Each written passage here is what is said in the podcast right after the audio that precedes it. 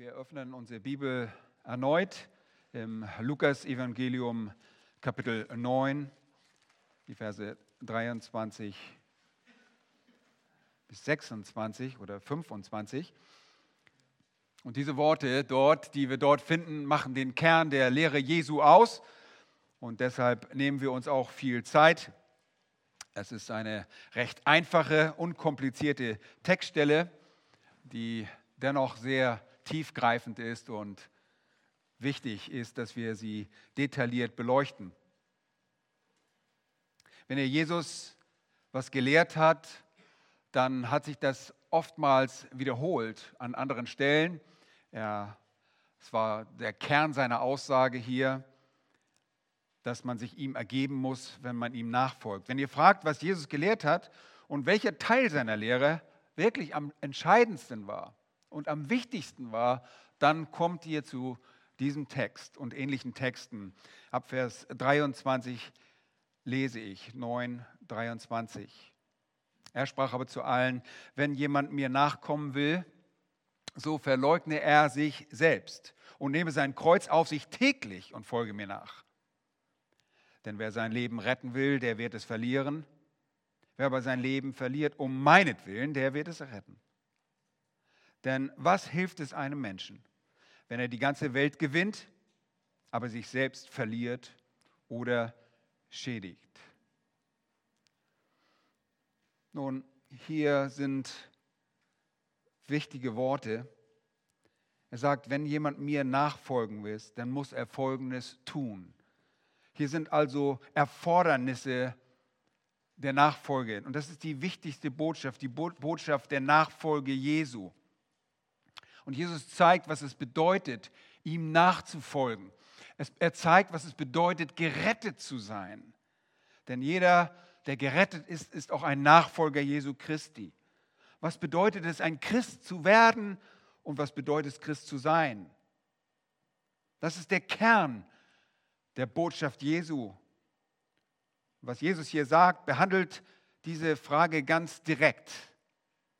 Ihr wollt Jesus nachfolgen und seine Jünger sein? Wollt ihr in sein Reich einziehen? Wollt ihr seine Vergebung? Nun, wenn ihr das wollt, dann müsst ihr euch selbst verleugnen. Dann müsst ihr euer Kreuz täglich aufnehmen und mir nachfolgen. Aller Wahrscheinlichkeit hat Jesus das nicht nur ein paar Mal, sondern hunderte von Malen unterrichtet und gelehrt während seiner Verkündigungsdienste. Denn nochmals, das ist es, worauf es ankommt. Das ist der Kern der Jüngerschaft und der Errettung. Und wir haben beim letzten Mal uns schon mit den drei Erfordernissen der Nachfolge mehr auseinandergesetzt.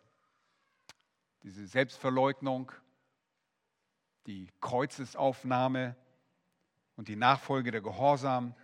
Heute will ich versuchen, das äh, Gesamtverständnis dessen zu geben, was Jesus hier sagt. Es ist wichtig, das zu tun, denn was Jesus hier sagt, steht wirklich in einem Kontrast zu dem, was heute vielerorts gelehrt wird.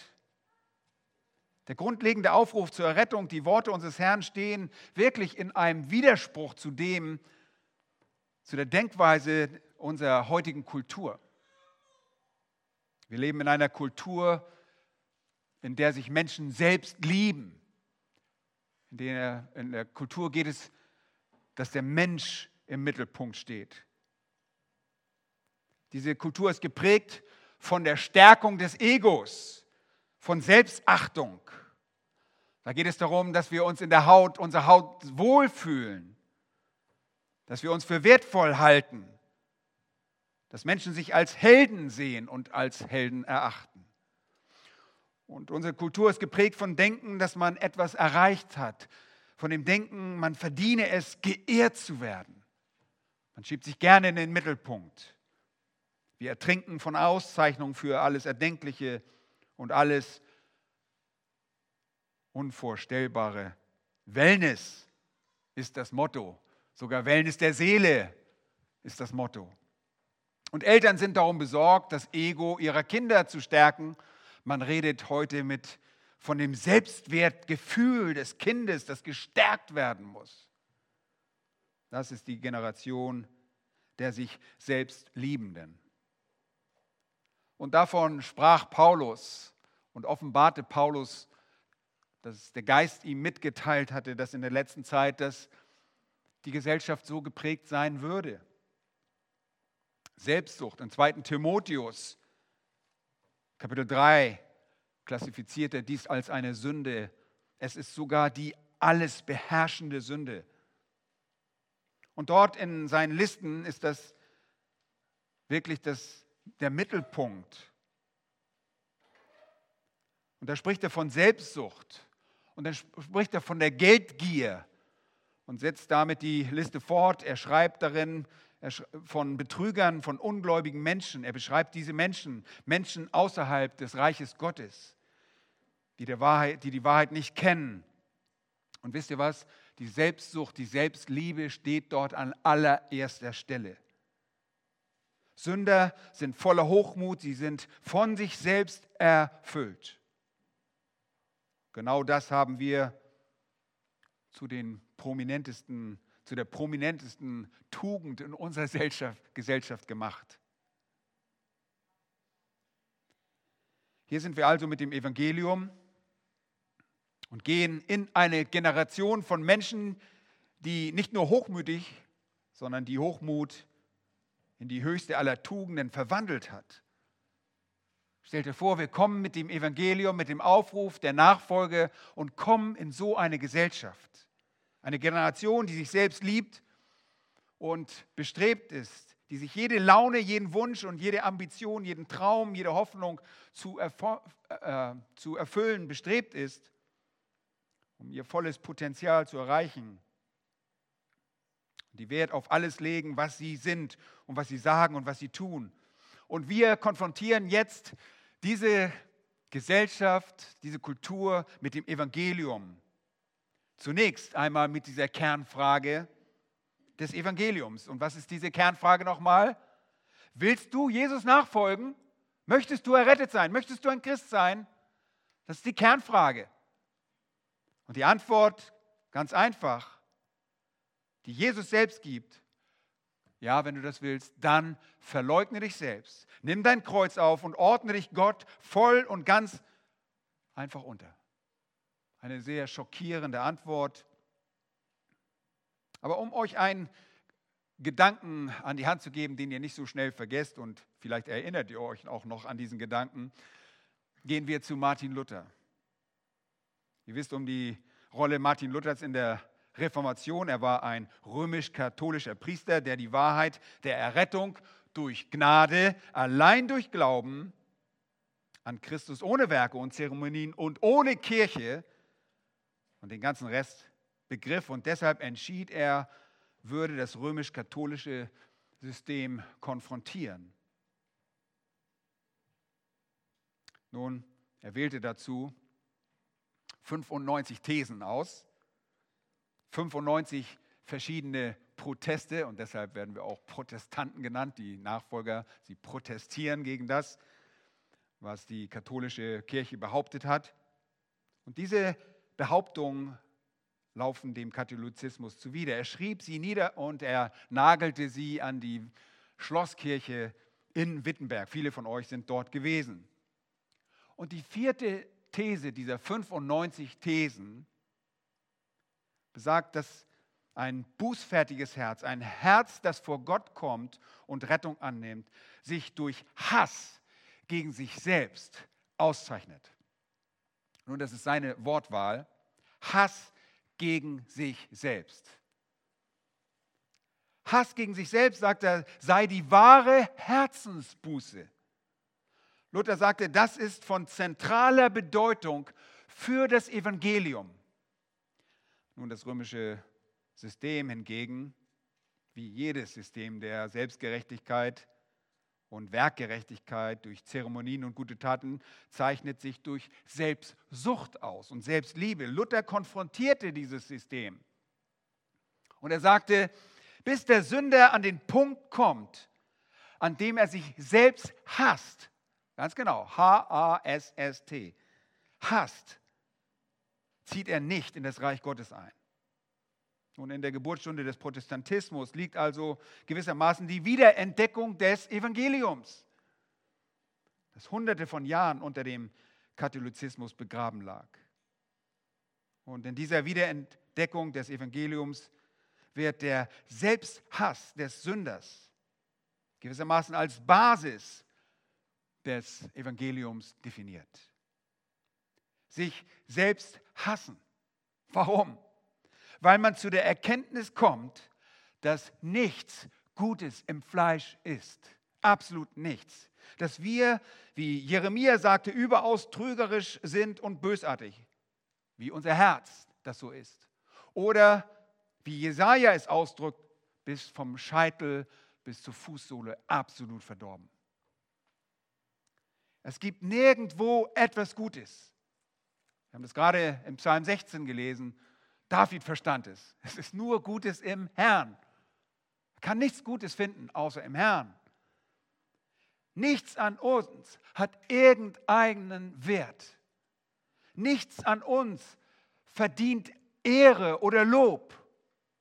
Es bedeutet, wieder zu der Einstellung, die in den Seligpreisungen beschrieben sind, zurückzukehren, indem dass wir einfach geistliche Armut verstehen, geistlichen Bankrott zu verstehen, unsere absolute Bedeutungslosigkeit zu sehen, alles in unserem Leben zu betrachten, sei es unsere Religion Bildung, Moral oder was auch immer. Wie der Apostel Paulus das sagt, es ist alles was? Es ist alles Unrat, es ist alles Dreck. Aber ihr Lieben, in dieser Kultur der Selbstsucht lässt sich dieses Evangelium nicht so leicht verkaufen, oder? Wer möchte das schon gerne hören? Offen gesagt, es ist vollkommen absurd zu behaupten, ein Mensch könne dem Heiligen Geist begegnen und in sein Reich einziehen, ohne von seinen Sünden erlöst zu werden zu wollen und ohne Sünde verstehen zu wollen wie sie wirklich verstanden werden muss. Ihr Lieben, Sünde in uns, in dir, musst du verstehen. Diejenigen, die zu Gott kommen, müssen zu seinen Bedingungen kommen. Diejenigen, die in sein Reich einziehen, die müssen verspüren, dass sie absolut sündhaft sind und müssen erkennen, wie tief ihre Sünde wirklich reicht. Sie brauchen das Gefühl der Sündhaftigkeit. Und der Apostel Paulus sagte, als er an Timotheus schrieb, in 1 Timotheus Kapitel 1, Vers 15, glaubwürdig ist das Wort und alle Annahme wert, dass Christus in die Welt gekommen ist, um wen zu retten? Um Sünder zu retten, von denen ich, sagt er, der Größte bin. Moment, Wer schrieb das? Paulus schreibt, Paulus selbst hatte an sich nichts, wofür er sich hätte empfehlen können. können. Er hat an sich nichts gefunden. Es gab nichts an Paulus, für das ihn jemand anders hätte ihn empfehlen können. Aber ihr Lieben, heutzutage prahlen die Menschen mit all dem, was sie erreicht haben, wie großartig sie sind, wie viel sie erreicht haben, wie begehrenswert sie sind, wie wertvoll sie sind. Ihr Lieben, im Gegenteil, es war wie Jesaja, der beim Anblick Gottes sagte: Wehe mir, ich vergehe. Jesaja 6, Vers 5. Ich zerfalle buchstäblich vor meinen Augen.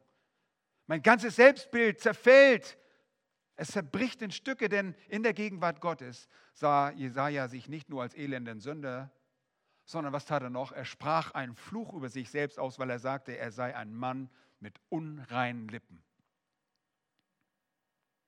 Ihr Lieben, darum geht es hier. Das ist Selbstverleugnung. Es geht nicht einfach unbedingt darum zu sagen, ich werde alles verkaufen, was ich habe und mein Geld den Armen geben. Darum geht es nicht. Es geht nicht darum zu sagen, ich werde in Armut und Lumpen leben, mich selbst kasteien. Es geht nicht darum zu sagen, ich werde mich selbst verleugnen, was meins ist, sei es mein physisches Eigentum oder ein Arbeitsplatz oder sonstiges, sondern es geht darum, ich leugne, dass es in mir irgendetwas gibt, was von Wert ist. Irgendetwas von Wert, irgendetwas Gutes, irgendetwas, was ausgezeichnet werden sollte, das als Vorbild dienen sollte, das erhoben werden sollte. Darum geht es. Es ist einfach dieses absolut überwältigende Gefühl, in eurer eigenen absoluten Sündhaftigkeit zu ertrinken. Das ist die Voraussetzung. Nun, Petrus sagte im Angesicht Gottes, des Herrn, Herr, geh von mir hinweg, denn ich bin ein sündiger Mensch. Und das erkannte er eines Tages, an dem Tag, als Jesus die Fische kontrollierte und beherrschte. Auf einmal merkte er, oh, derjenige, der die Fische beherrscht, der kennt auch mich. Er verspürte nichts weiter als Abscheu vor sich selbst. Und er sagte, geh weg, du solltest nicht mehr in meiner Nähe sein. Du solltest nicht einmal in meiner Nähe sein, bei mir sein. Geh weg. Und diese Einstellung finden wir auch in Lukas 18 bei dem Zöllner, der sein Haupt senkt und nicht einmal zum Himmel aufblickt, weil er in seiner Meinung nach nicht einmal das Recht hat, nach oben zu blicken, damit Gott nicht in das Angesicht eines solchen Verbrechers blickt. Und er sagt, oh Gott, sei mir Sünder gnädig. Und er schlägt sich an die Brust, aber er blickt nicht einmal nach oben. Er will nicht einmal Blickkontakt mit Gott herstellen. Er weiß, er ist dermaßen unwürdig. Nun, wenn, es, wenn ihr Christ werdet, dann ist es nicht so, dass ihr plötzlich erkennt, dass ihr mit euren Supergaben Gott irgendetwas zu bieten habt. Es gibt viele andere Beispiele in der Schrift von Männern und Frauen, die, als sie Gott wirklich sahen, buchstäblich von der Last ihrer eigenen Nichtigkeit, ihrer eigenen Sündhaftigkeit zerschlagen wurden. Und offen gesagt, ist das der Kultur, in der wir leben, heute absolut fremd. Unsere Kultur kennt das nicht. Es ist die Kultur, die auf Selbstsucht und auf gute Laune aus ist. Es ist dieser Kultur völlig fremd. Und in dieser Kultur sollte man alles, was man sich wünscht, haben. Und naja, und dann entdeckt man auf einmal, oh, ich habe ja Jesus noch nicht, ich habe mein ewiges Leben noch nicht, das könnte ich eigentlich auch noch brauchen. Und dann fügt man noch Jesus ein bisschen hinzu. Das ist das Denken unserer Kultur. Und man kann schließlich alles sein und haben, was man will. Ihr könnt eure Träume leben, und ihr könnt eure Ambitionen erfüllen. Das ganze Ziel eures Lebens besteht darin, alles Erdenkliche euch zu wünschen und euch zu erleben. Und das wird dann erfüllt. Und ihr könnt auf eure Rechte bestehen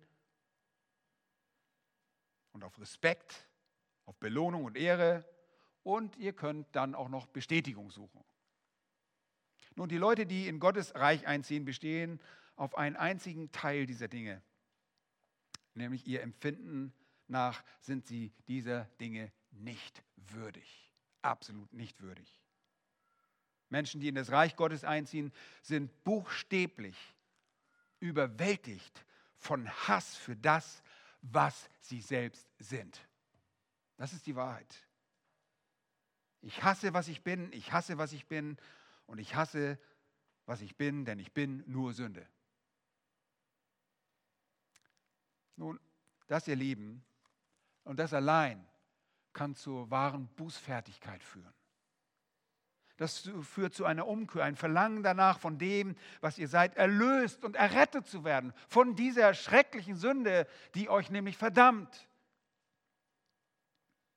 Wenn ihr nichts Gutes habt, wenn ihr das erkennt, dann seid ihr bereit, auch um Errettung zu rufen. Nun, Jesus sagte, ich bin nicht gekommen, Gerechte zu berufen, sondern Sünder zur Buße. Und er sagt, ich kann nichts für Menschen tun, die denken, sie seien bereits gerecht. Ich kann nichts mit Menschen anfangen, die von sich selbst beeindruckt sind oder von ihrer Religion. Die denken, dass sie moralisch ein hochstehendes Leben führen, ihrem Geld, ihrer Bildung und ihren Errungenschaften vorweisen und protzen. Ich kann nichts für diese Menschen tun. Für sie bin ich nicht gekommen. Und übrigens gehen nur die Kranken zum Arzt. Es gehen nur Sünder zu Gott. Diejenigen, die meinen, dass sie es nicht sind, die hören Gott nicht zu. Die hören seine Botschaft nicht. In Lukas 13,3 sagt Jesus uns, wie wichtig diese Bußfertigkeit ist. Da heißt es in Vers 3, Lukas Kapitel 13, Vers 3. Nein, ich sage euch, sondern wenn ihr nicht Buße tut, werdet ihr auch alle umkommen. Und er spricht hier vom Tod und der Hölle. Und Vers 5 wiederholt er das. Ich sage euch, wenn ihr nicht Buße tut, so werdet ihr auch so umkommen. Und er sagt uns zweimal, dass sie in die Hölle kommen werden, wenn nicht Buße getan wird. Und die einzigen Leute, die Buße tun, sind Leute, die was sind? Die Sünder sind, die erkannt haben, ich bin ein Sünder. Die sich ihres elenden Zustandes bewusst sind. Und deshalb besteht die Aufgabe des Heiligen Geistes darin, Menschen von der Sünde zu überführen. Deshalb predigen wir das Wort Gottes, weil das Wort Gottes, du schlägst die Bibel auf, du liest in der Bibel und du merkst auf einmal, oh, ich bin ein Sünder. Du hörst es von der Kanzel, du hörst es in, in, in der Verkündigung des Evangeliums, wo immer dir das Evangelium verkündigt wird und du merkst, du bist ein Sünder.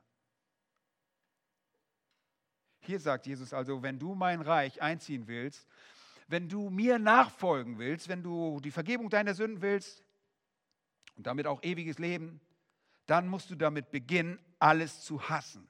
Du musst erkennen, dass alles Gute in dir nur wie beflecktige, dreckige, schmuddelige Kleider ist. Du musst alles an dir selbst verachten. Und jetzt, da alle deine Verdienste und alle deine eventuellen Gewinne oder alle deine sogenannten Werke als Verderbtheit umdefiniert wurden, und du dich als absolut unwürdig gesehen hast, bist du genau an dem richtigen Punkt, um die Hand auszustrecken, um nach Barmherzigkeit und Gnade zu rufen. Die wahre Botschaft des Evangeliums ist, dass ihr damit beginnen müsst, alles zu hassen, was ihr selbst seid. Und ihr könnt euch vorstellen, das verkauft sich nicht sehr gut in unserer Gesellschaft. Man hört sehr, sehr selten, dass darüber auch gepredigt wird. Man versucht das Evangelium irgendwie möglichst annehmbar zu machen. Man macht es besucherfreundlich. Das muss cool sein. Ja, das muss populär sein. Versucht das einmal in einigen Gemeinden anzubringen. Und ich habe über das Thema vor einigen Jahren gesprochen und ich erinnere mich, nach dieser Predigt kam eine Frau auf mich zu, die war recht zornig, weil sie sagte, ich habe endlich meinen Selbsthass überwunden und jetzt erzählst du mir, ich soll mich hassen. Ich meine, wann habt ihr zuletzt jemanden über Selbsthass predigen hören? Ich meine, außer in dieser Gemeinde. Es gibt nichts an euch, nichts in eurem Denken, in euren Emotionen, in eurem Willen. Es gibt nichts in euren Errungenschaften, das wirklich in irgendeiner Art und Weise so gut ist, dass Gott das gebrauchen könnte. Oder dass er dir das zu deiner Errettung hinzurechnen würde. Es gibt nichts, was der Ehre wert ist. Absolut gar nichts. Nicht irgendetwas, was als ein Vorbild dienen könnte. Absolut nichts. Im besten Fall ist das nur menschliches Gutes. Wir haben das mal so bezeichnet als schlecht gut, weil letztlich ist es nur gut, wenn es zur Ehre Gottes geschieht. Jesus hat immer Sünder dazu aufgerufen, sich selbst zu hassen. Aber die Botschaft heute in der Gemeinde, in vielen Gemeinden heutzutage, ist leider, oh, du bist nicht erfüllt? Hast du Träume und hast du besondere Wünsche? Weißt du was? Der Herr wird alle deine Wünsche und alle deine Träume erfüllen. Fühlst du eine Leere in deinem Herzen? Komm zu Jesus und er wird dein Herz ausfüllen. Und er wird alle deine Träume erfüllen. Und es dreht sich alles darum, von Jesus das zu bekommen, was, mich, was man sich selber wünscht. Aber, ihr Lieben, das ist nicht das Evangelium. Und ich möchte euch heute Morgen zeigen, wie der Selbsthass zu eurer Errettung gehört. Ich möchte euch einfach das zeigen. In Lukas 24, 47 sagt Jesus, wenn ihr auszieht, um zu predigen, sollt ihr über Folgendes reden. Buße und Vergebung der Sünden soll in seinem Namen verkündigt werden unter allen Völkern, Beginn in Jerusalem. Wisst ihr, was er da sagt? Fangt nicht erst an, wenn ihr aus der Stadt herausgeht, fangt vor Ort an, fangt gleich in Jerusalem an. Fangt hier an und jetzt an, direkt in Jerusalem, wo die Botschaft unbeliebt ist, fangt an und ihr könnt sie dann anschließend in der ganzen Welt verkündigen.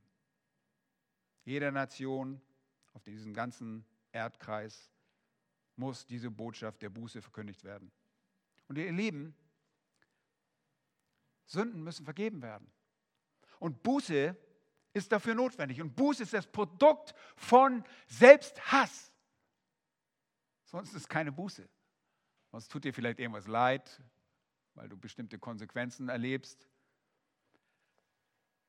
Dieses Produkt der Einstellung aus den Seligpreisungen. Menschen tun Buße, wenn sie sich selbst betrachten und sich für das, was sie sehen, einfach schämen. Wenn sie sich selbst betrachten und angesichts dessen, was sie sehen, ein zerbrochenes Herz haben. Es ist eine neue Ausrichtung ihrer gesamten Selbsteinschätzung, die einfach besagt, ich bin nichts, ich bin weniger als nichts, ich bin sündhaft und jämmerlich. Und, und zwar bis in den innersten Kern meines Seins. Nun, das Erreichen dieser Erkenntnis, glaubt mir, das ist kein menschliches Werk. Das kann nicht der Mensch schaffen.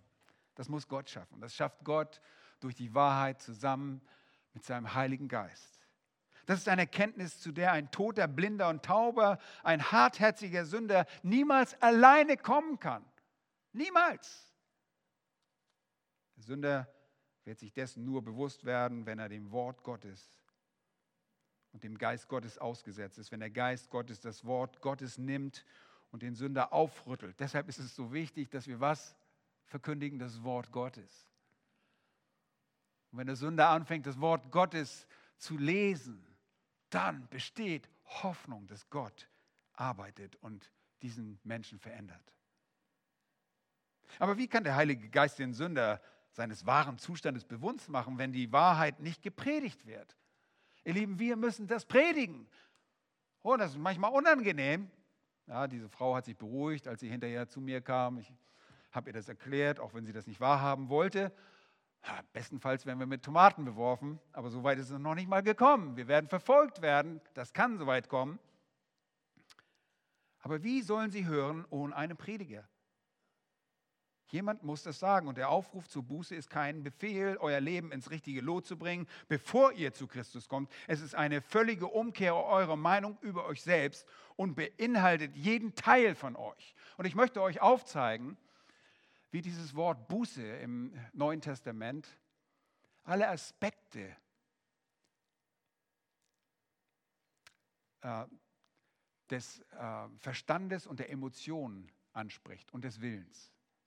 Im Neuen Testament werden drei griechische Worte für Buße verwendet und sie illustrieren sozusagen drei Elemente, drei Aspekte der Buße.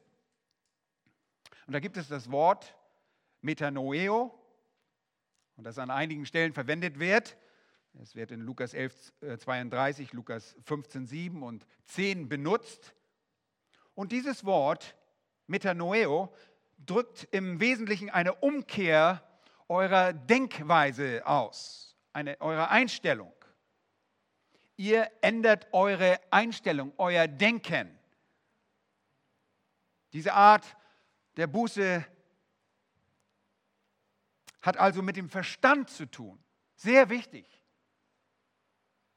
Das ist sehr wichtig. Ihr müsst ändern, wie ihr euch selbst seht. Und dann müsst ihr euch sehen, wie ihr wirklich seid. Und wie kann man das? Außer indem, dass man die Wahrheit liest. Ihr müsst die Wahrheit kennen. Euer ganzer Mensch ist korrupt, ihr seid gefallen, ihr seid verdorben. Nochmals vom Scheitel bis zur Fußsohle. Das zweite Wort, das erste also, ist, hat mit dem Verstand zu tun. Das zweite Wort, das verwendet wird, ist Metamelomai. Das ist ein weiteres Wort für Buße. Es wird in Matthäus 21, 29 bis 32 verwendet und betont das Bedauern und den Kummer. Und wenn der Verstand erst einmal die neue Definition meines Ich begriffen hat, gibt es darauf eine Verschiebung vom Verstand zu den Gefühlen. Und die Emotionen beginnen zu wirken. Und was bewirken sie? Sie bewirken Kummer und sie bewirken Scham. Das ist das Wort Metamelomai. Und dann gibt es ein drittes Wort, Epistrepho, ebenfalls ein Wort für Buße. Und das wird in Lukas 17, Vers 4 und Lukas 22, 32 verwendet. Und es bedeutet, man schlägt eine neue Richtung in seinem Leben ein. Und das bezieht sich auf euren Willen. Okay, wir haben also beim ersten Wort den Verstand, beim zweiten die Emotion und jetzt kommt der Wille. Es beginnt also, dass ihr die Wahrheit versteht, das Wort Gottes bekommt, hört oder lest und ihr versteht, wer ihr seid, ihr schämt euch. In euren Emotionen seht ihr euren Kummer, eure Verderbtheit, bringen euch Trauer. Und dann hat dieses dritte Wort mit dem Willen zu tun, dass ihr eine Richtung, eine neue Richtung einschlagt. Drei Elemente, die an dieser Buße beteiligt sind. Und ihr ändert eure Meinung über euch selbst, ihr empfindet dieses Bedauern und diese Trauer über das, was ihr seid. Und aus diesem Grund macht ihr eine Kehrtwendung. Okay?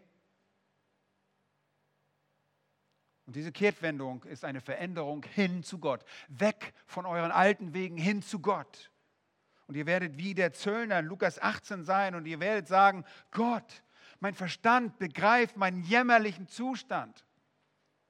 Meine Emotionen spüren, dass ich nicht meine Augen, nicht einmal meine Augen erheben kann und ich schlage mir an die Brust.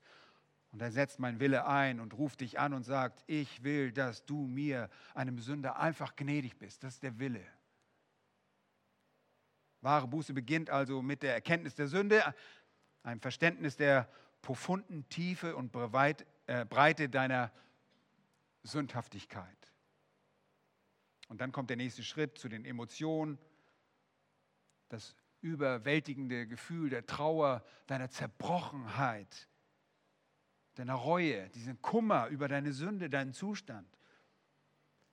Und dann führt es zu der Buße und ihr kommt zu der willentlichen Richtungsänderung weg von der Sünde hin zu Gott.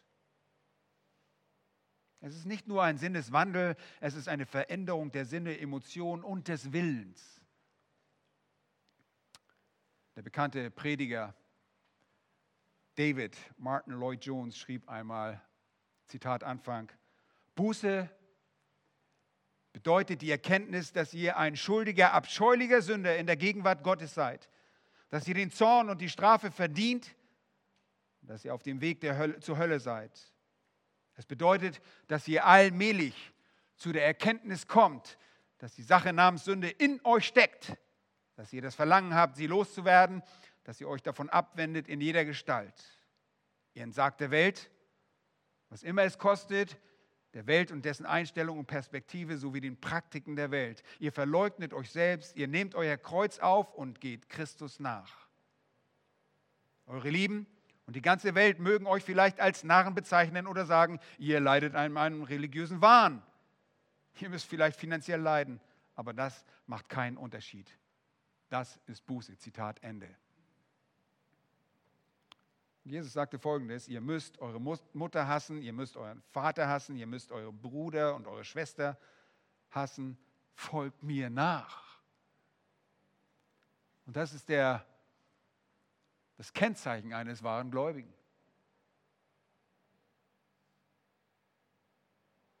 Darum geht es in Vers 23. Und Jesus spricht über diese Art der Selbsteinschätzung, die zur Buße führt. Und ihr wollt Christus nachfolgen, ihr wollt von dem Weg, Weg weg, auf dem ihr euch befindet und ihr wollt ihm nachgehen, dann müsst ihr Buße tun. Dann müsst ihr eine Kehrtwende einschlagen. Und dazu gehören alle diese drei Elemente der Buße. Nun, es wird mit einer Selbsteinschätzung beginnen, die sich drastisch von eurer bisherigen Meinung über euch selbst unterscheidet. Ich meine, wie haben wir von uns gedacht, als wir noch Sünder waren? Wir haben sehr viel von uns gehalten, oder? Viele von uns mussten erst richtig gedemütigt werden und erkennen im Lichte des Wortes Gottes, wer wir wirklich selbst sind. Ihr müsst euch selbst hassen. Ihr müsst euch in dem Ausmaß hassen, dass ihr buchstäblich bereit seid zu sterben, falls das nötig sein sollte. Und das ist logisch. Und wenn ich mich als das sehe, was ich wirklich bin, warum würde ich mein Leben dann als heilig betrachten? Warum würde ich denn noch so festhalten? Dann ist eigentlich der Tod eine gute Lösung. Wenn ich mich selbst als den Menschen sehe, der ich wirklich bin, und wirklich ganz anders sein will, als ich bin, dann wäre der Tod in Wirklichkeit recht attraktiv für mich. Ich werde auf dieser Welt nie, hört gut zu, du wirst nie der Mensch sein, der du sein solltest. Ich werde erst dann der Mensch sein, der ich sein sollte, wenn ich was bin? Wenn ich tot bin. Richtig? Und das trifft auf uns alle zu. Ich will Vergebung für meine Sünden, ich will Gerechtigkeit in meinem Leben und ich will Fülle von Gottes Segen. Und wenn ich zu Christus komme, will ich, dass es keine Sünde mehr in meinem Leben gibt. Ich habe die Sünde satt, ich habe mich selbst satt, ich bin es müde, der zu sein, der ich bin. Und ich will das alles nur einfach hinter mir lassen. Ich will zu Christus kommen und ich will einen anderen Weg einschlagen. Ich will ein anderer Mensch sein und die ultimativen, die ultimative Erfüllung und all dieser Sehnsüchte und Wünsche kommt erst nach dem Tod. Das ist die Wahrheit. Mein Leben ist mir also nicht wichtig, genauso wie Paulus seines nicht wichtig nahm. In mir steckt das Verlangen, das zu sein, was ich in Christus sein will. Das Verlangen und der Wunsch danach, so zu sein. Es gibt diesen Hunger nach Durst und Gerechtigkeit und das ist charakteristisch für uns. Aber ich will von der Sünde weg. Ich will in einer Situation sein, wo ich kein Sünder mehr bin, wo es keine Sünde mehr gibt. Deshalb ist der Tod ein willkommener Freund, als Paulus sagt, Christus ist mein Leben und Sterben ist mein Gewinn. Weil er wusste, dann ist er frei von dieser Gegenwart der Sünde. Ich werde erst dann das sein, was ich sein will, was Gott von mir will, wenn ich aus diesem Leben geschieden bin. Nun, wenn ich mich selbst verleugne, dann ist es kein großer Sprung mehr zur Bereitschaft zu sterben. Das ist das Prinzip, was er sagt. Ihr müsst ständig bereit sein, euer Kreuz auf euch zu nehmen. Kreuze waren, wir haben das letzte Mal angesprochen, Instrumente der Hinrichtung von Menschen. Und Jesus sagt, selbstverleugnende Bedeutung, dass ihr euch selbst so satt habt, dass ihr sogar bereit wäre zu sterben. Wenn ihr mir nachfolgen kommt, wenn ihr Christ sein wollt, dann müsst ihr euren wahren Zustand begreifen. Und dann müsst ihr emotional von diesem Zustand so überwältigt sein, von Trauer und Scham bis zu dem Punkt, an dem ihr euch selbst dringend verleugnen wollt. Ihr werdet Christus nachfolgen, egal, wirklich ganz egal, was es euch kosten wird, selbst wenn es den Tod bedeutet. Und das ist Buße. Es ist Selbsthass. Es ist Selbstverleugnung.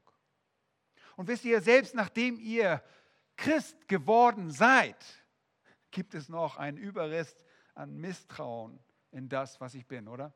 Vertrauen wir uns heute als Christen unserem Fleisch? Auf keinen Fall. Es wohnt nichts Gutes in uns. Es gibt einen gewissen Selbsthass und ich bin mir bewusst, dass ich dem Herrn nichts zu bieten habe, sagt Paulus. Ich bitte also nicht unbedingt, Herr, benutze mich, hier bin ich ich will dir jetzt nützlich sein, ich bin so wertvoll, kannst froh sein, dass du mich geangelt hast für dein Reich. Herr, ich bitte dich, dass ich irgendwie von dir benutzt werden kann. Das ist mein Wunsch. Du kannst mich als dein Werkzeug benutzen, aber ich habe keinen Motor in mir selbst, dass ich irgendwas Gutes generieren kann. Du bist derjenige, der mich in die Hand nehmen muss als ein Werkzeug. Wenn ich ein Werkzeug bin, das Gott benutzen kann, dann reicht es. Dass Gott dieses unwürdige, dieses ja, erdene Gefäß aus Ton nehmen kann, wie Paulus es einmal im zweiten Korintherbrief sagt, dann ist das ein Segen. In mir steckt nichts von Wert, nichts Nützliches und wenn ich dann an den Punkt ankomme, an dem ich von dem erlöst werden will, was ich bin, und an, an dem Punkt ankomme, wo ich mich selbst hasse, dann werde ich auch keine Grenzen und keine Bestimmung oder Limitierung an Gott weitergeben und sagen, ja, das möchte ich allerdings nicht, Herr. Ich möchte dir ja nachfolgen, aber da möchte ich gerade nicht hingehen. Du weißt, wie Tante Ursel reagieren würde, wenn ich jetzt sage, dass ich Christ bin. Ah, nein, nein, nein, das möchte ich nicht. Ich gehe zu allen anderen. Nein, du wirst keine Grenzen sehen. Ich werde ihnen nicht sagen, nun Gott, du darfst nur so weit gehen. Du kannst nur dies haben, aber, aber, aber nicht dies in meinem Leben. Das geht nicht. Nein, es gibt völlige Hingabe, weil es nichts gibt, an dem wir festhalten. Es gibt nichts Wertvolles. Nun, in Apostelgeschichte 20, 21 wird der rettende Glaube mit der Buße verknüpft, sodass Errettung denen gewährt ist, die Christus nachfolgen. Buße und Glaube müssen miteinander verknüpft sein. Und der Grund dafür, dass sie die Juden da in Apostelgeschichte 20 und Heiden Christus nachfolgen wollten, ist, dass sie an ihn glauben. Ihr Lieben, ihr müsst glauben, aber dieser Glaube, der rettet, ist ein reumütiger Glaube, der an Buße geknüpft ist. Jesus versuchte immer in seinen Verkündigen Sünde an diesen Punkt der Selbstverzweiflung zu bringen, dass sie Buße tun. Und die Menschen, die sich der Botschaft am meisten widersetzt haben, waren wer? Es waren die Selbstgerechten, war die religiöse Elite, waren die Pharisäer und Schriftgelehrten, die obersten Priester das religiöse Establishment, in ihren eigenen Köpfen waren sie ja das alles. Sie waren gerecht, sie waren perfekt, sie waren die Vorbilder der Gesellschaft und sie meinten, sie waren frei, sie waren nie Sklaven irgendeines Menschen gewesen. Und sie sagen, wir sind sehr, wir können geistliche Dinge sehen, wir waren gesund, wir sind gerecht, wir sind gut. Und dann kommt Jesus und er löscht das einfach aus. Und er sagt ihnen, weißt ihr, was ihr seid? Ihr seid blind. Ihr seid blinde Kühe. Er sagte ihnen, ihr seid korrupt. Er sagte ihnen, ihr seid äußerlich wohl sehr rein, aber innerlich seid ihr voller Totengebeine. Ihr stinkt. Totengebeine stinken. Und er griff direkt ihre Selbstgerechtigkeit an und das muss man tun. Denn das ist die verdammende und die vorherrschende Sünde. Jesus war ständig bestrebt, Sünder zum Punkt des Selbsthasses zu bringen, zu dem Punkt, wo sie sagen würden, ich hasse mich. Aber weil die Juden so erfüllt waren von ihrer Selbstsucht und Selbstgerechtigkeit, verachteten sie die Botschaft Jesu und sie töteten den Messias. Sie töteten den Herrn dafür. Es war nicht so, dass sie nicht irgendwie ein Messias haben wollten oder nicht mal so, dass sie ihn nicht als solchen erkannten. Sie wollten gerne einen. Sie wünschten sich dringend einen Messias. Sie wollten am besten einen Brot, Brotback-automatisierenden äh, äh, Messias haben, der irgendwo Brotbackmaschine in Gang setzt und ja, wieder bei der Speisung der 5000. Sie wollten äh, jemanden, der ihnen eine gute Krankenversicherung ist der heilen kann oder besser noch Lebensversicherung, von der man selber noch Nutzen hatte, wenn man gestorben ist, wieder auferweckt werden würde. Oh, das war ein guter Messias. Man ging einfach zu Jesus und man konnte das alles ganz schnell von ihm bekommen, ohne große Bürokratie, keine Stempel erforderlich, kein Amt, das man anlaufen musste. Natürlich wollten sie das, und sie hätten das bereitwillig so angenommen, aber Jesus mischte sich mit dieser Botschaft dass sie sich selbst hassen müssten, statt sich selbst zu lieben, in ihre Denkweise ein. Sie mussten sich selbst als arme Gefangene sehen, blind und unterdrückt und sie mussten eine Einstellung wie in den Seligpreisungen annehmen, geistliche Armut, Trauer, Sanftmut anerkennen, dass es ihnen an Gerechtigkeit mangelte und ihren Hunger und Durst danach unter Beweis stellen. Sie mussten bereit sein, verfolgt zu werden, statt gefeierte Priester oder religiöse Leiter. Und sie hassten diese Botschaft. Warum? Weil sie sich selbst liebten. Selbstliebe und Selbsthass passt irgendwie nicht zusammen. Und das ist heute noch der Grund, warum Menschen Gott nicht annehmen. Warum sie Christus nicht nachfolgen, weil sie sich selbst lieben. Wenn ihr euch selbst liebt, verurteilt ihr euch. Wenn ihr euch selbst liebt, hasst ihr diese Botschaft. Und deshalb sagte Jesus in Matthäus 21, 31, die Zöllner und die Huren kommen eher in das Reich Gottes als ihr. Nun, Zöllner waren die übelsten und die wirklich am meisten gehassten Menschen in Israel. Ihr wisst, sie hatten ein römisches äh, Besteuerungsfranchise gekauft und dann nötigten sie den eigenen Landsleuten das Geld ab. Und das taten sie mit Hilfe von äh, Schlägertypen und Dieben und gewaltsamen Menschen, um an das Geld heranzukommen. Könnt ihr euch vorstellen, ein religiöser Führer in Israel zu sein und Jesus sagt das euch? Zöllner, die man anspuckte und Prostituierte, werden vor euch in das Reich Gottes einziehen. Warum? Weil die Wahrscheinlichkeit größer ist, dass sie sich selbst verabscheuen als dass ihr es tut. Moralischer zu werden kann deshalb bedeuten, sich weiter vom Reich Gottes zu entfernen. Das ist übrigens die tödliche Gefahr des Moralismus. Etwas Gutes daran, in den Konsequenzen krasser Sünden zu leben, ist, dass das die Kraft hat, euch bewusst zu machen, wer ihr wirklich seid. Menschen werden Christen, wenn sie verzweifelt genug sind, wenn sie den Punkt totaler Panik erreicht haben, weil sie errettet werden wollen, wenn sie wissen, dass sie buchstäblich im Meer ihrer eigenen Sünde untergehen. Der verdorbene Abschaum Israels würde seine Sünde sehr wahrscheinlich eher erkennen als die der selbstgerechten Schriftgelehrten und Juden. Hört mal gut zu.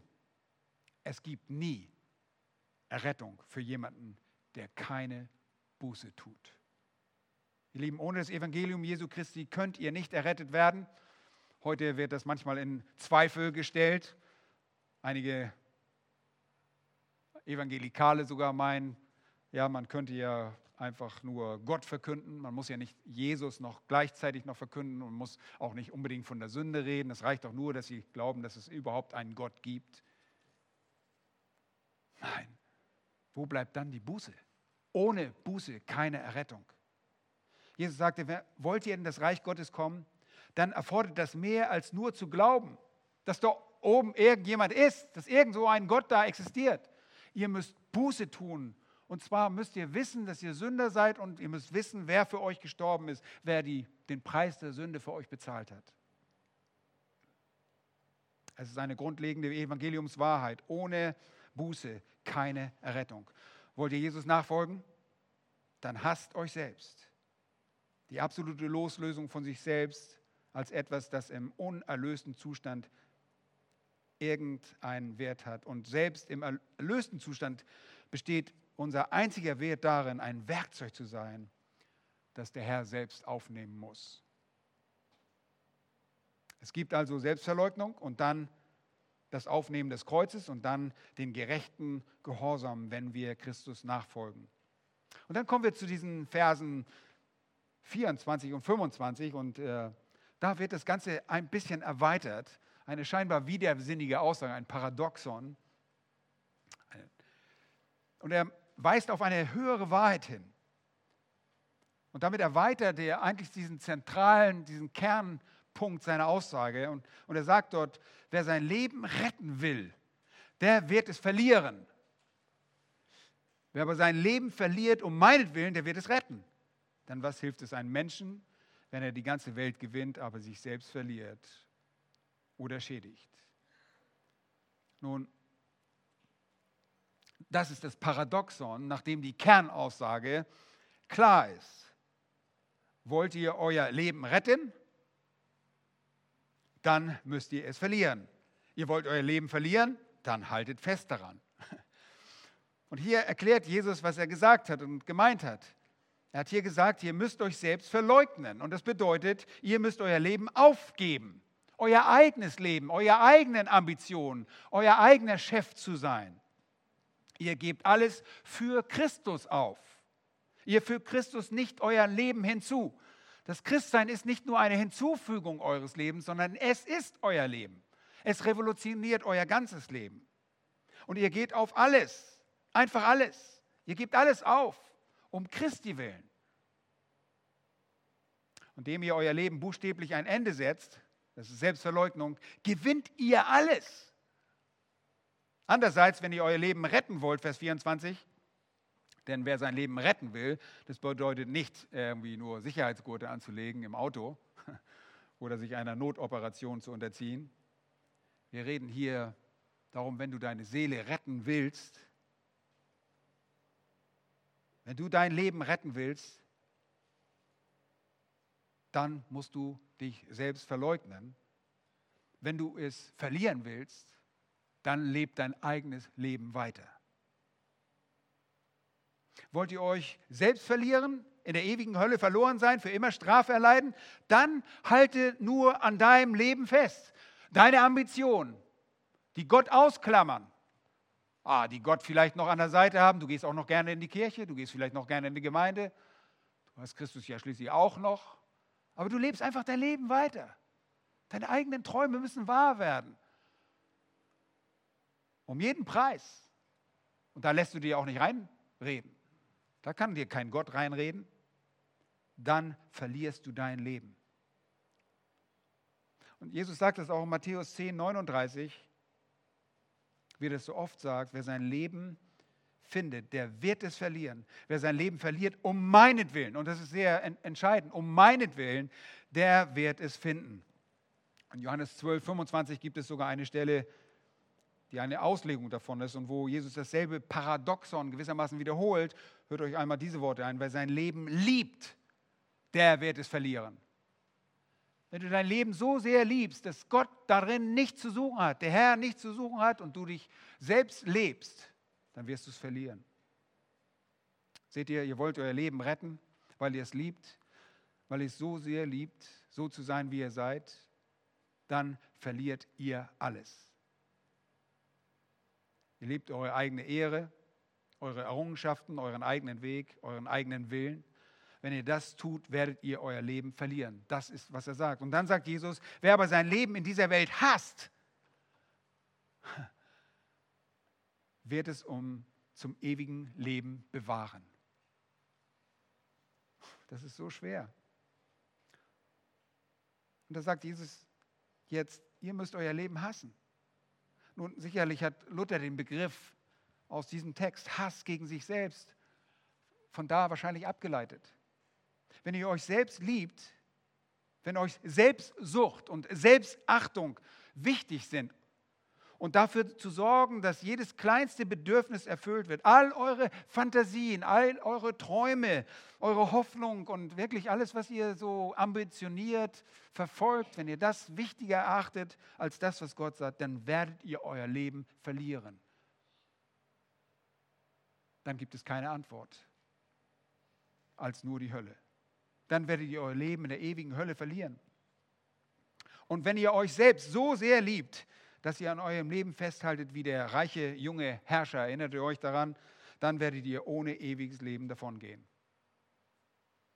Der hat sich auch gedacht, ach, eigentlich habe ich alles, aber ein Ticket in den Himmel müsste ich noch haben. Der wollte Christus und das ewige Leben nur zu, hinzufügen. Aber er liebte sein Leben, sein Geld, sein Material, sein, sein, äh, sein Materialismus so sehr, dass er sein Leben verlor. Aber wenn ihr euch selbst hasst, werdet ihr ewiges Leben empfangen.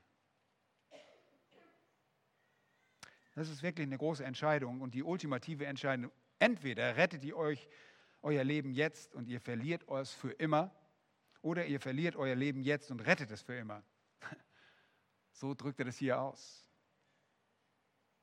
Und es gibt einen kurzen äh, Ausdruck hier in Vers 24, auf den wir achten müssen, um meinetwillen heißt es da, um meinetwillen. Es geht hier nicht um irgendeine Art der Selbstverleugnung. Er sagt hier nicht, verliert euer Leben in Fällen, in denen es um Gerechtigkeit und Fragen der Religion geht. Das sagt er nicht. Es geht nicht darum, verliert euer Leben, damit ihr endlich ein Priester oder ein Mönch sein könnt und euch irgendwo in der Mauern einschließen könnt. Es geht nicht darum, irgendein buddhistischer Priester zu sein, der sich vor lauter Hingabe in Brand setzt. Es geht nicht darum, ein hingegebener Muslim zu sein, der sich mit einer Bombe umgürtet und sich in die Luft jagt. Darum geht es nicht. Es geht hier um Christi willen. Es gibt nur eine Art, sich selbst zu verlieren, nicht eine Art von Missbilligung der eigenen Person, eine Art der Selbstverleugnung und das ist um meinetwillen, sagt er, um Christi willen. Und das ist, was jene Menschen tun, was keinen Wert hat, indem man sich selbst anzündet und meint, das wäre ein besonderer Akt. Oder indem man sich selbst in die Luft sprengt und glaubt, dass man irgendwie 72 schwarzäugigen Jungfrauen entgegenhüpfen wird dann. Ihr Lieben, wenn du dich in die Luft sprengst, dann sprengst du dich direkt in die Hölle. Ihr Lieben, hier heißt es, verleugne dich um Christi willen. Das bedeutet wegen mir, sagt Jesus. Die einzige Art, auf euer Leben jemals auf ewig zu retten und in Ewigkeit im Angesicht Gottes in den Himmel zu verbringen, mit Freude in Fülle besteht darin, euer Leben Jesus Christus hinzugeben. Und Vers 25 macht Jesus diese wirklich interessante Aussage. Denn was hilft es einem Menschen, wenn er die ganze Welt gewinnt, aber sich selbst verliert oder schädigt? Das eine, er führt hier eine, die ultimative Hyperbel-Übertreibung an. Er sagt, ich weiß, was ihr denkt. Ihr denkt, nun, ich bin gewiss ein guter Mensch und ich habe dies und das erreicht und diese und jene Ehre und diese Ambition und diesen Wunsch und ich möchte dieses und jenes tun und habe ein paar eigene Pläne. Und ich habe ein paar eigene Beziehungen, die ich jetzt schützen möchte. Und weißt du, ich habe viel aufzugeben. Du lang, verlangst viel von mir. Und der junge, reiche Herrscher sagte, weißt du, ich bin reich, ich habe viel, du verlangst viel.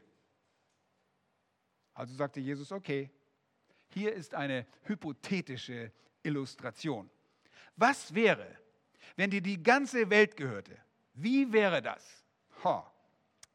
Das ist wirklich äh, der Gipfel aller Übertreibung. Mehr gibt es nicht. Okay, lass uns annehmen, dir gehörte die ganze Welt, alle Besitztümer, alle Häuser, alle Autos, jeder Grill, im Garten. Ja, Alex soll auch was dabei sein. Alle Kleider, Länder, alle Ehre, alles Prestige, die ganze Macht der Welt, alle Möglichkeiten, dir alles zu geben, was du willst in Bezug auf materielle Vorteile, Anerkennung, Prestige, Dominanz, Macht, was auch immer. Du hast alles. Was nützt es dir? Das bedeutet einfach, von welchem Nutzen ist es? Wozu ist es gut? Wozu hilft dir das, wenn du dich selbst verlierst oder schädigst? Oder wie Matthäus fragt, was kann der Mensch als Lösegeld für sein Leben geben? Nichts. Wie viel ist eure Seele, euer Leben wert? Die Antwort lautet, mehr als die ganze irdische Welt. Ihr werdet in ein paar wenigen Atemzügen tot sein. Okay, es sind ein paar tausend, ich gebe es zu. Aber ihr werdet für immer leben. Ihr glaubt doch wohl nicht an die landläufige Auffassung der Mensch, der, der, dass derjenige, der die meisten irdischen Güter besitzt, am glücklichsten ist? Einfach, weil er mehr Dinge bekommt und aus einer goldenen Tasse trinken kann und einen wirklich goldenen Ring an seinem Finger hat? Dass er deshalb glücklicher ist und bessere Beziehungen besitzt? Jesus sagte, wenn ihr buchstäblich sämtliche irdische Besitztümer besitzt und dafür eure eigene Seele verlieren würdet, was wäre das für ein schlechter Tausch? Absolut schlechter Tausch. Was nützt es, die ganze Welt zu gewinnen und die eigene Seele zu verlieren? Und deshalb sagt er, schaut, es ist besser, euer Leben jetzt aufzugeben. Und das in Anerkennung der Tatsache, dass es sowieso nichts wert ist. Ihr seid nichts. Und dann wird es für immer etwas Herrliches und Wunderbares und Gesegnetes, Freudiges und etwas Mächtiges und etwas Friedliches und Ehrbares sein. Ihr Lieben, das ist die Botschaft des Evangeliums. Es ist die Wahl, die ihr trefft. Zusammengefasst können wir sagen, dass Selbstliebe euch in die Hölle senden wird. Selbsthass hingegen in den Himmel. Wirst du diese kleine Rechnung überdenken? Wirst du nachdenken? Und der Glaube an den Herrn Jesus Christus und wahre Buße ist erforderlich, damit du ewiges Leben hast. Und ich bete, dass der Herr an deinem Herzen wirkt und an uns, die wir bereits Nachfolger sind, dass wir in diesem Sinne auch weiter leben, unser Leben als Christen. Lasst uns zusammen beten. Herr, wir danken dir von ganzem Herzen für dein wunderbares Evangelium, das uns zunächst einmal die schlechte Nachricht aufzeigt, nämlich wer wir wirklich sind in deinen Augen. Herr, wir haben uns so oft geirrt, indem wir ein Selbsturteil abgelegt haben darüber, wie wir sind und indem wir uns verglichen haben mit anderen Menschen und vielleicht noch nicht einmal so schlecht dagestanden haben. Aber Herr, das zählt nicht, sondern das Urteil zählt, was du über uns denkst. Und wir sind ein Nichts. Wir sind verdorben vom Scheitel bis zur Fußsohle. Und deshalb können wir nur zerbrechen. Ein zerbrochenes und zerschlagenes Herz, Herr, oh Gott, wirst du nicht verachten. Deshalb kommen wir zu dir und bitten dich, sei du uns Sündern gnädig. Erbarme dich dass wir vor dir Vergebung finden. Erbarme dich unseres elenden Zustandes. Wir sind nicht in der Lage, uns selbst zu retten. Wir brauchen deine Gerechtigkeit. Die Gerechtigkeit, Herr Jesus Christus, die du selbst bewirkt hast durch dein Gehorsam, dein Gehorsam bis zum Tode am Kreuz. Du bist der Auferstandene, der Lebendige, der gewiss kommen wird als Richter. Du wirst kommen über diejenigen, die dich nicht kennen und sie verurteilen müssen der Zorn, das Zorn des Lammes wird ausgegossen über diese Welt. Du bist nicht nur der liebe Heiland, der demütige Sanfte, sondern du bist auch der zornige Gott. Du musst Sünde richten. Und weil wir Sünder sind, beugen wir uns vor dir und bitten dich, vergib uns unsere Schuld. Forme uns um, mach du uns zu Gefäßen nach deinem Wohlgefallen, wo immer und wann immer und wie immer du es möchtest. Das bitten wir um deines Namens willen und zu deiner Ehre. Amen.